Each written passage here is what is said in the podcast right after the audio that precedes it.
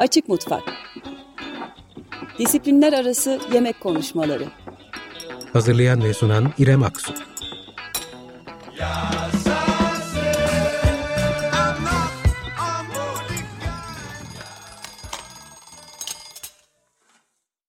...95.0 Açık Radyo Açık Mutfak'tan herkese merhaba. Bu hafta toplumların müşterek tarihinin en mühim gıdasını bugüne gelene kadar sayısız serüvenle farklı çağlarda muhtevası ve formu değişmiş olsa da e, şimdilerde yükselen yeme içme trendlerinin de etkisiyle köklere daha bir e, deşilen ekmeği ve elbette onun esas oyuncusu olan buğdayı konuşacağız.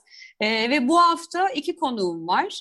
Ee, ilki ziraat mühendisi ve antropolog, aynı zamanda araştırmacı. Tabii bunun yanında birçok da sıfatı e, var ama saya, saymakla bitmez belki kendisi söylemek ister. Tangör Tan ile e, gastronomi üzerine zihin açıcı yazılar yazan, aşçılık köklerini gastronomla bir çeşit e, bir şekilde saran, sarmayı e, beceren e, Mind Root isimli web sitesinin de kurucusu e, ve acı sosçu Can Koyuncu e, benimle birlikte. Hoş geldiniz. Hoş bulduk.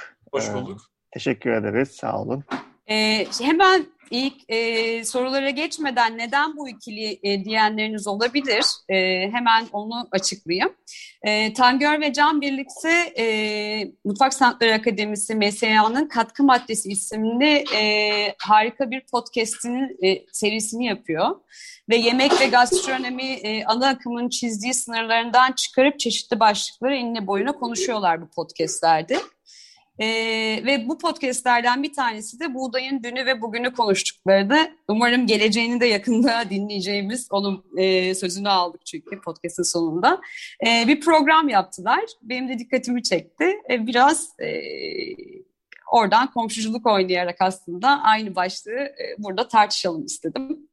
E, o yüzden e, Tam ve Can'a tekrar e, teşekkür ediyorum konuk olduğunuz için. Şimdi ekmek için hala dünyanın en çok tüketilen gıdası diyebiliriz ve dünya üzerindeki kültürel çeşitlilik ile birlikte düşündüğümüzde sayısız çeşidi, formu, pişirme tekniği olan bir gıda e, olarak ekmeğin bugün e, atalarıyla ne kadar bağ olduğunu düşünüyoruz.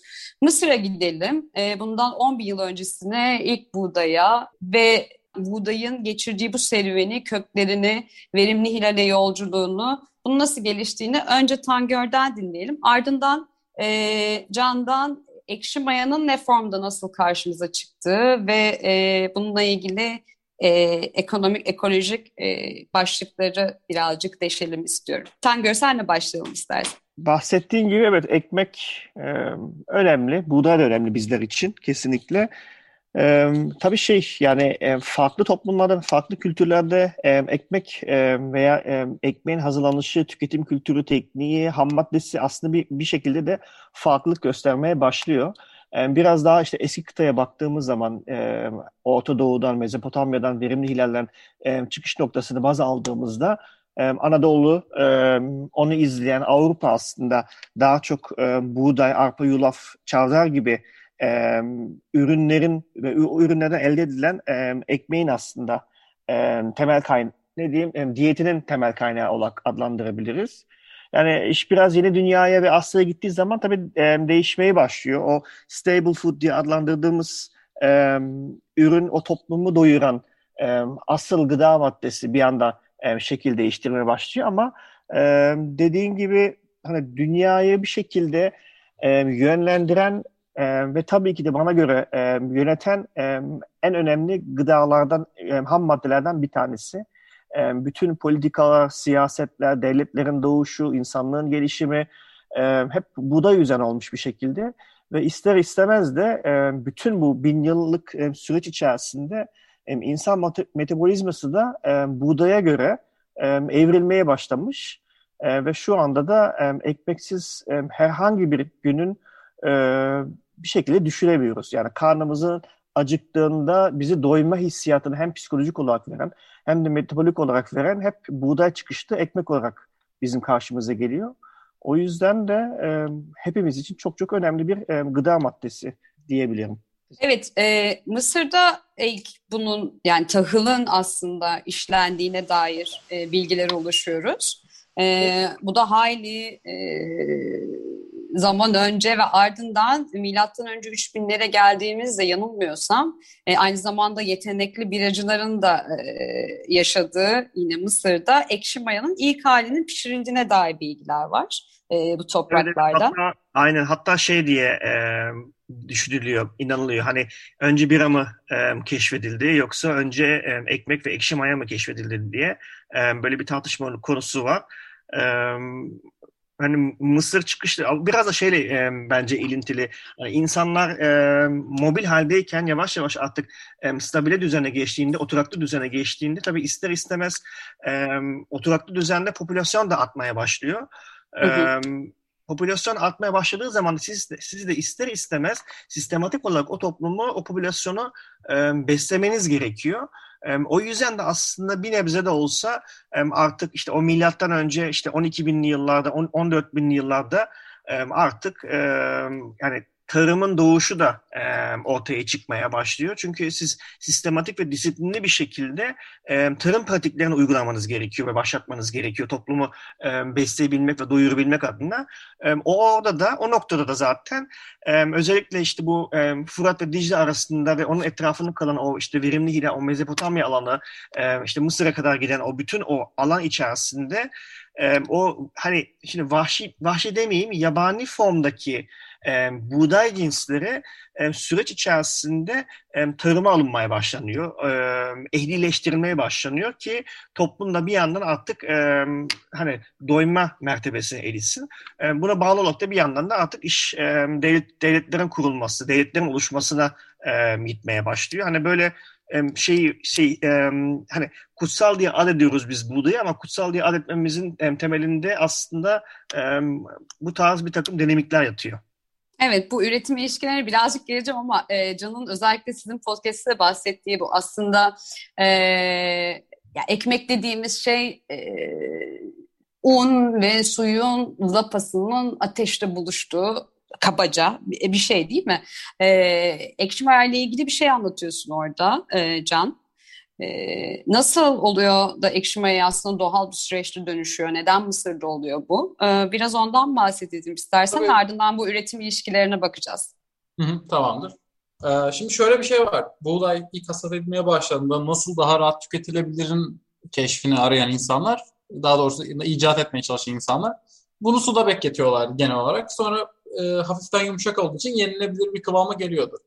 Ancak bundan sonra bu yumuşattıktan sonra da insanlar toz haline getirmeyi düşündü. Ki muhtemelen bu da e, bu ıslattıkları ürünlerin kuru, kurumuş olması nedeniyle. Yani belki o, o zaman bir, o noktada bir su bulamamışlardır. Yeni bir e, tüketim biçim bu sefer ortaya çıkmıştır. Bir dönemde işte e, dediğim gibi işte su ve unu birleştiriyorsun. Lapa haline geliyor ki bu aslında Afrika'da da çoğu kabilede hala e, var olan bir tüketim şekli. Lapa şeklinde. Hatta ben dandik televizyon programlarını bilirsiniz. Survivor gibi. Ee, orada da insanlara un verildi de deniz suyuyla beraber şey yaparlardı. Lapa yaparlardı. Bundan sonra e, yine Mısır'da işte yaklaşık olarak bir 5000 yıl kadar önceydi sanırım ya da tam tersi milattan önce 5000 miydi şu an onu hatırlayamıyorum ne yazık ki. Ee, şöyle bir şey ortaya çıkıyor. İnsanoğlu bir, bir, bir işte insanın biri unutuyor bu lapayı. E, bu mayalanıyor o noktada işte havadaki ma vahşi mayalar mı dersin, zaman mı dersin her şey işin içinde işte ısıdır vesaire. Ee, bunu taşların sıcak taşların üzerine döküyorlar. Ya da bir yanlışlıkla dökülüyor da olabilir. Orası çok e, şaibeli bir nokta zaten. Burada da bizim flat bread dediğimiz ekmek ortaya çıkıyor aslında. Yani ilk Daha... ekmek yaklaşık işte 4000 yıl önce falan ekmek haline geliyor bu. Düşünün. Daha bunu flatbread'i daha e, yassı ve işte evet. çok kabarcıkları olmayan bir şey olarak tanımlayabiliriz. Ya aslında galiba. halen işte e, Kuzey Afrika'da özellikle tüketilen bir ekmek. Fas'ta da olsun işte diğer Mısır'da da olsun. Hatta orada işte bizim bildiğimiz klasik fırıncılık devam ediyor zaten. O bildiğimiz taş fırın taş fırınlarında alevli şekilde. Ki ben çocukken Siirt'teyken de aynı fırınlar doğuda aslında hala devam ediyor. Kuzey Afrika'da bugün ne varsa aslında doğuda da aynı şekilde üretimi devam ediyor. Hmm, bu fırınlar odun fırınları oluyor galiba odun fırını, genelde. Evet, odun fırını. Aslında antik Yunan'da da e, e benzer bir şeyden bahsediyor yanılmıyorsam Atheneus. E, şeyde komünel fırınlarda yani topluluğun gelip ekmeklerini pişireceği fırınlar e, inşa ediliyor ve işte odun ateşi yakılıyor. E, tabii bu ateşi kullanmada bir zanaatı dönüşüyor. zaman geçtikçe. Aynen o da Hı hı. O da sonrasında zaten demircilik olayına dönüşüyor. Yani zaten işte tunç e, vesaire devreye giriyor. En son demir ortaya çıkıyor. Demir ortaya çıkınca da insanların yeni toplumda yeni yerleri oluyor. Hani çünkü birinin demiri işlemesi lazım, birinin çıkarması lazım, birinin onu e, savaş aletine mi dönüştürecek ya da bir ka kapkaçağa dönüştürecek onlar ortaya çıkıyor. Ve bunun dağıtımını yapacak bir tüccar da gerekiyor derken e, ticaret ağları zaten işte önce ekmek, o sayede ortaya çıkan yeni teknoloji ve demirle şekilleniyor. Evet, e, bu e, tarihsel akış için de aslında çok e, enteresan bir e, izi de var Tahıl'ın. E, Tahıl'a Karşı isimli kitapta James Scott'un sanırım sen de yakın zamanda okudun.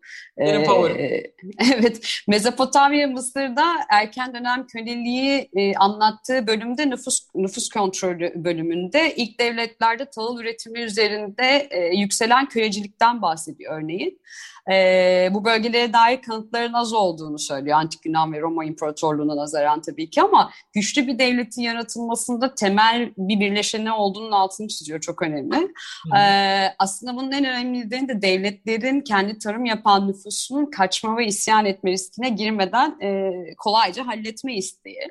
E, bu bilgiden yola çıkarak yerleşik hayat ile kölelik meselesinde tahılın izinin muazzam olduğunu söyleyebiliriz. Peki artan nüfusu az önce Tangör'ün bahsettiği yere dönersek, artan nüfusu doyurmak, üretim arasındaki bu döngüyü e, bir şekilde isyansız ve ayaklanmasız yönetimler için söylüyorum. E, bir şekilde devam ettirmek için buğdayın insanlığın ayağına e, dolandığında bu çabayı sarf etmesi gerekiyor çünkü yönetimlerin. Söyleyebilir miyiz acaba mizahi olarak tabii ki kurguluyorum bunu ama kim kimin kölesi, kimin efendisi olmuş e, diye düşündüğümüzde e, bu döngü nasıl sağlanıyor bu tarihsel akış içinde e, Tangör? Biz bunu çok konuştuk e, Can'la. Ara ara da konuşuyoruz. E, dediğin gibi yani James Scott e, Tağıl'a karşı kitabında onu gayet güzel bir şekilde yazmış ve yani kitaptan zaten devlet sistemine çok karşı olduğunu nihai şekilde açıkça da bel- belirtiyor. Ee, ben şey gibi algılıyorum zaten hani kitabı okuduktan sonra evet arkadaş her şeyin sorumlusu buğdaymış e, her e, çıkış noktası buğdaymış maalesef. Çünkü niye? İşte buğday çok kolay bir şekilde depolanabiliyor. Çok kolay bir şekilde bölünüp üleştirilebiliyor. İşte vergi sistemi e, buğday üzerine kurgulanıyor. Her şey buğday üzerine kurgulanıyor.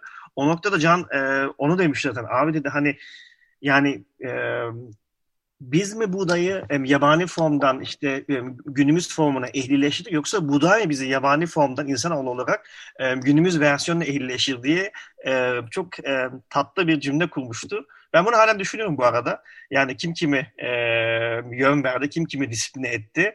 Bence çok iki taraflı bir şey bu. E, bu evet. Durum.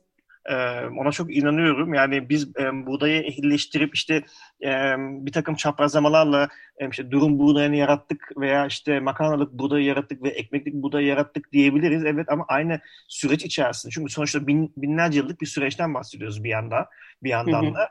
Ee, orada da insanoğlu kendi içerisinde sistematiğini oluşturuyor, devletini oluşturuyor, ticaretini oluşturuyor, kültürlenmesini sağlıyor buğday insanoğlunun ve kültürleniyor bir yandan da. O yüzden aslında çok iki taraflı bir e, durum söz konusu gibi geliyor bana. Bilmiyorum Can bu konuda ne düşünüyor? Şimdi orada şöyle bir şey var. Ee, tarımı biz hani politik ekolojik e, kavramlı olarak bakacaksak önce işte politik ekoloji aslında bildiğimiz e, politika ve ekolojinin beraber gittiği ayrı şekilde e, var olamayacağını öne çıkaran bir düşünce denebilir belki de. Şimdi şurada şöyle bir şey var. Tarımı biz zenginlik ve güce kanalize ettik ve bu sayede devletlerle burjuva sınıfı ortaya çıkıyor. E böyle bir şey ortaya çıkınca devletler işte diyelim ki duvar ördü. O duvarı zaten içerideki vergi e, verecek insan çıkamasın diye yapıyorlar daha ziyade. İnsanlar işte saldırıya uğramaktansa. Çünkü o dönem şöyle bir şey de var. İkiz gölge devletler denen bir kavram var. Bu da bildiğimiz aslında bizim bugün barbar diye adlandırdığımız insanlar. Ama barbarların savaş toplulukları diye adlandırmamız gerekiyor bunları. Çünkü şöyle bir şey de var. 16. yüzyıla kadar insanların üçte biri devlet sistemi neydi bilmiyor. Çünkü devlet altında yaşamamış insanlar. Verginin ne olduğunu bilmiyor. Yani top, e, devletler genelde böyle küçük bir alanda işte belki alüvyonlu toprak bulmuşlardır bir şekilde şanslılarsa. Oradadırlar ya da bol kaynakların olduğu ama bir yandan bataklıkların da bol olduğu bir çevrede yaşıyorlar. E, bu durum böyle olunca hem insanlar için çok ideal bir nokta değil ama devletler için neden ideal? Etraf bataklık olduğu için bir yandan savaş riski de az oluyor tabii. Bir de şey de popülasyon da o kadar fazla değil. Yani nüfus da yok. E, Maksimum etrafta. 25 bin gibi oluyor ilk devletlerde. Yani. O da zaten çabuk çabucak yıkılıyorlar. Aynen. Koskocaman bir coğrafya içerisinde hani 25-30 bin nüfustan bahsediyoruz ve bu 25-30 bin nüfus 500'lük, 100 kişilik, 1000 kişilik klanlar halinde yaşıyorlar. Yani herkes aslında canına dediği gibi var olan çevresel ve ekosistem şartlarını yani optimum ve standart şartlar çerçevesinde havanın daha ılıman olduğu, iklimin daha e, optimum olduğu, insanlar için optimum olduğu aslında şartlarda yaşıyorlar. O yüzden de yani devlet, e, insan e, klanları diyeyim ya toplulukları kendi içerisinde birbir içerisinde daha doğrusu geçişkenlik gösteriyor. İşte o noktada artık yavaş yavaş hani canın da aktardığı, senin de aktardığın artık o buğdayı e, disipline etme. Yani üretimini disipline etme, işte yapıyı kurma, devlet yapısını kurma, ondan sonra artık kent diyeceğim ama hani kent veya yaşam alanını kurgulama, yaşam alanını kurguladığınız andan itibaren de yaşam alanının etrafını işte bir takım çitlerle, surlarla veya işte bir takım duvarlar ölç, örerek artık stabile bir şekilde devleti kurma e, fonksiyonu oluşmaya başlıyor. Bu tabii bir de saklama meselesinden de ya onunla da çok bağlantılı değil mi bahsettiğiniz tabii. şeyler? Ya üretim yapıyorsun bir yandan üretim fazlası çıkıyor tam hem nüfusu doğurmaya çalışıyorsun ama elindekini de bir değiş tokuş sistemine sokman için bir şeyin birikmesi gerekiyor. Ee, kurulan evet. surların içinde aynı zamanda güvenliğini sağlayabiliyorsun or- oranın gibi böyle zincirleme e, akıyor Aynen, aslında öyle. devletin kuruluşuna gidiş e, süreci. Aynen yani e, hakikaten çok şey çok zincirleme yani e, bir şey e, bir e, dinamik e, bir bir diğer dinamiğin e, doğmasına neden oluyor zincirleme bir şekilde.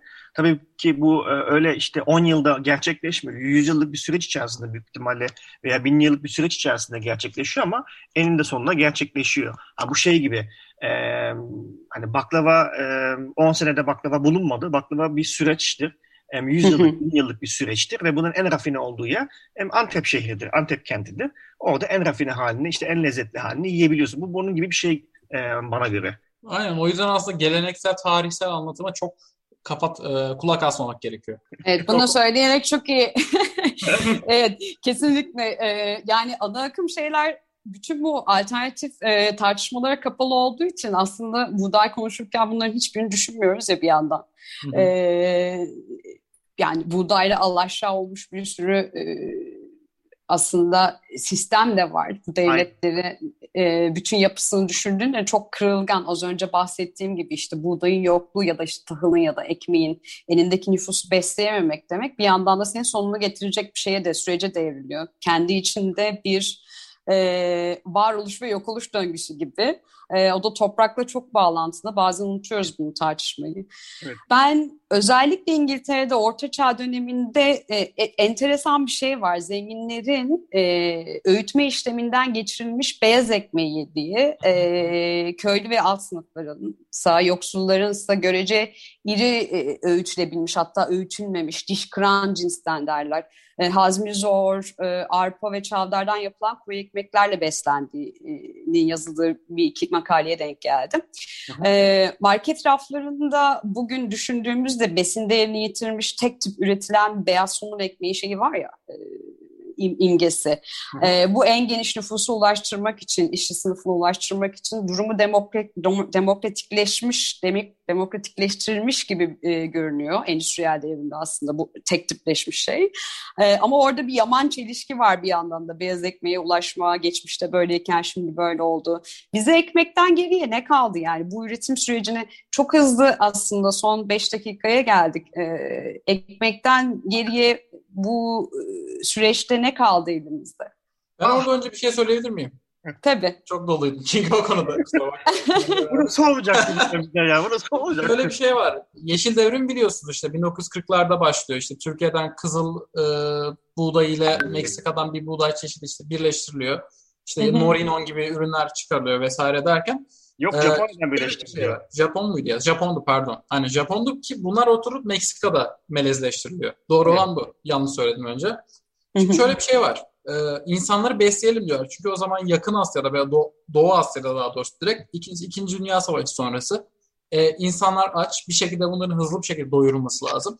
Bu yüzden hızlı bir şekilde tahılların melezleştirilmesi ve işte bu sentetik buğdaylar nedeniyle de için içine pestisitler gibi ürün yeni girdilerin girmesi başlıyor. Hı hı. Ancak Böyle bir şey var orada. Besin erişilebilirliği denen bir kavram 1996'ya kadar yok. O yüzden bu insanları sadece işte tahıl üzerine besliyorlar. Ekmektir, şudur budur veya buğdaydan yapılabilecek herhangi bir şey, makarna vesaire. Ee, o zaman şeyi görüyorlar. Eğitim eğitim e, verilerinde özellikle. Bu insanların zekaları vesaire çok da ilerlemiyor aslında. Ve çok büyük sağlık sorunları ortaya çıkıyor. İşte gluten bile, gluten intoleransı, çölyak bile aslında o dönem başlıyor. 1996'daki Dünya Forumu'nda bu açığa çıkıyor ve bundan sonra biz bugünkü sağlıklı yiyelim olayına dönüyoruz. Hı hı. Zaten şey o Can'ın söylediği gibi İrem senin de söylediğin gibi hani İngiltere örneğini vermiştin ya beyaz somun ekmeği ve işte Evet. e, kırsalın yediği ekmek. E, bunun aynısını aslında e, bizim memleketimiz de yaşıyor. Özellikle e, 1950'den sonra hani Can'ın e, bahsettiği işte bu melezleme ve ARGE çalışmaları Meksika'dan çıkışta işte süper e, nutritional veya süper hybrid e, şey e, buğday cinsi diye tanıtılıp ondan sonra bütün dünyada bunun üretimi e, destekleniyor veya daha doğrusu amiyane tabiriyle belki pompalanıyor. İşte bu noktada özellikle 1950'den 60'tan sonra bize şu ol- olmaya başlıyor e, Türkiye genelinde. Kent soylu, kentte yaşayan insan e, beyaz somun ekmeği yemeye başlıyor. Kırsaldaki insan tabii doğal olarak buğday üreticisi, köylüsü, çiftçisi, e, kadını erkeği e, tam buğdaydan, e, çavdardan, arpadan yapılan ekmeği yiyor. Şimdi onu yediğin zaman ister istemez besin madde içeriği çok daha zengin, çok daha besleyici olduğu için köylü insan e, daha sağlıklı. Kentli insan, ekmek bazında konuşuyorum tabii ki ben beyaz ekmek Hı hı. bazında konuşuyorum. Ama sonra bu hep şeydi, bu bir klasik de dünyanın her yerinde bu şekilde e, sosyokültür e, modu endeksleniyor belki de. E, kırsal kent soyduğu hep e, şey yapıyor, örnek alıyor. Ve bu sefer işin tam tersi oluyor. Kent soydu özellikle 1980 bile demeyeceğim ben. 1990'dan sonra artık yeme içme diyetlerimiz de bir yandan değişiyor. Daha dikkat etmeye başlıyoruz yani ne yiyoruz, ne içiyoruz diye. E, Evet. Kentli insan bu sefer tam buğday ekmeği, çavdar ekmeğini yemeye başlarken kırsalda yaşayan kentli e, örnek aldığı için bu sefer beyaz somun ekmeğini tüketmeye başlıyor ve orada da işte metabolik olarak ona alışkın olmadığı için de hastalıklar da ona paralelinde e, değişmeye başlıyor. Hastalıklar artmaya veya e, farklılaşmaya başlıyor. Böyle e, trajikomik diyeceğim veya drastik bir durum söz konusu. Hani İngiltere Evet. örneği bize de var ama dünyanın hemen hemen her yerinde e, benzer örnekler var bence bu, bu konuda. Tabii yani e, çünkü galiba endüstriyel devrim dediğimiz e, hikayeyle başlayan e, hadise çok fazla alt sınıf ve işçi sınıflarının hayrına olan bir şey de olmadı ya. E, oradaki ideal olan e, şeyi alıp içini boşaltıp tekrar geri vermek gibi garip bir dediğin gibi trajik bir döngüye sokuyor. E, ekmek dışında da birçok şey için böyle aslında. Kıyafet de bunun için de, mobilya da böyle bir şey falan diye. Evet, e, bu haftalık e, programın sonuna geldik. Çok hızlı geçiyor e, zaman, kısa olduğu için Açık Mutfak. Ama sizi bırakmıyorum. Bir sonraki programda da yine birlikte olacağız. Kaldığımız yerden ekmek ve buğdayın yolculuğuna devam e, edeceğiz. Bu haftalık bu kadar Açık Mutfak'tan. İki hafta sonra aynı saatte görüşmek üzere. Çok teşekkür ediyorum. Teşekkür ederiz. İyi akşamlar. Açık Mutfak Disiplinler arası yemek konuşmaları. Hazırlayan ve sunan İrem Aksu. Yaz.